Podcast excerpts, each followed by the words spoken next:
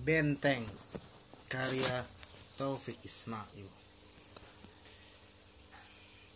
Sesudah siang panas yang meletihkan Sehabis tembak tembakan-tembakan yang tak bisa kita balas.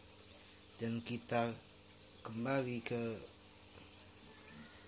kampus ini berlindung Bersandar dan berbaring. Ada yang merenung di lantai bungkus nasi bertebaran. Dari para dermawan tidak dikenal kulit duku dan pecahan kulit rambutan. Lewatlah di samping kontingen Bandung. Ada yang berjaket Bogor. Mereka dari mana-mana. Semuanya kumal semuanya tak bicara. Tapi kita, kita tidak akan terpatahkan oleh seribu senjata dari seribu tiran.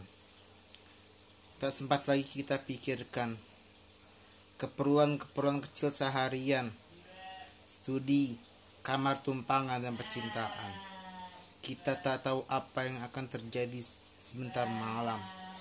Kita mesti siap saban waktu, siap saban jam.